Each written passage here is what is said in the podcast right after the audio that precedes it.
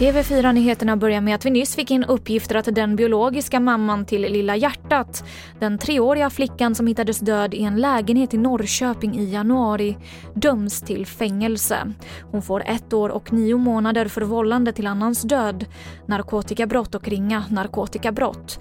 Hon frias för mord, brott mot griftefrid och tre fall av grov misshandel.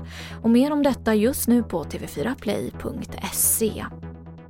Ytterligare sex nya dödsfall har bekräftats i covid-19 i Sverige under det senaste dygnet och totalt har nu 5 766 smittade avlidit. Detta enligt Folkhälsomyndighetens senaste statistik. Och vi avslutar i Libanons huvudstad Beirut där över 130 människor har dött och omkring 5 000 skadats i explosionen.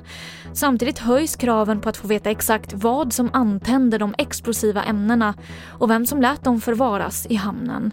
Expressens korrespondent Kassem Hamadeh är på plats i Beirut. Regeringen igår tog beslut om att samtliga som misstänks ha varit på ett eller annat sätt var involverade i det här fallet ska alltså, eh, hållas i husarrest minst i tio dagar framåt tills utredningen är klar. Och det var det senaste från TV4 Nyheterna. Jag heter Emelie Olsson.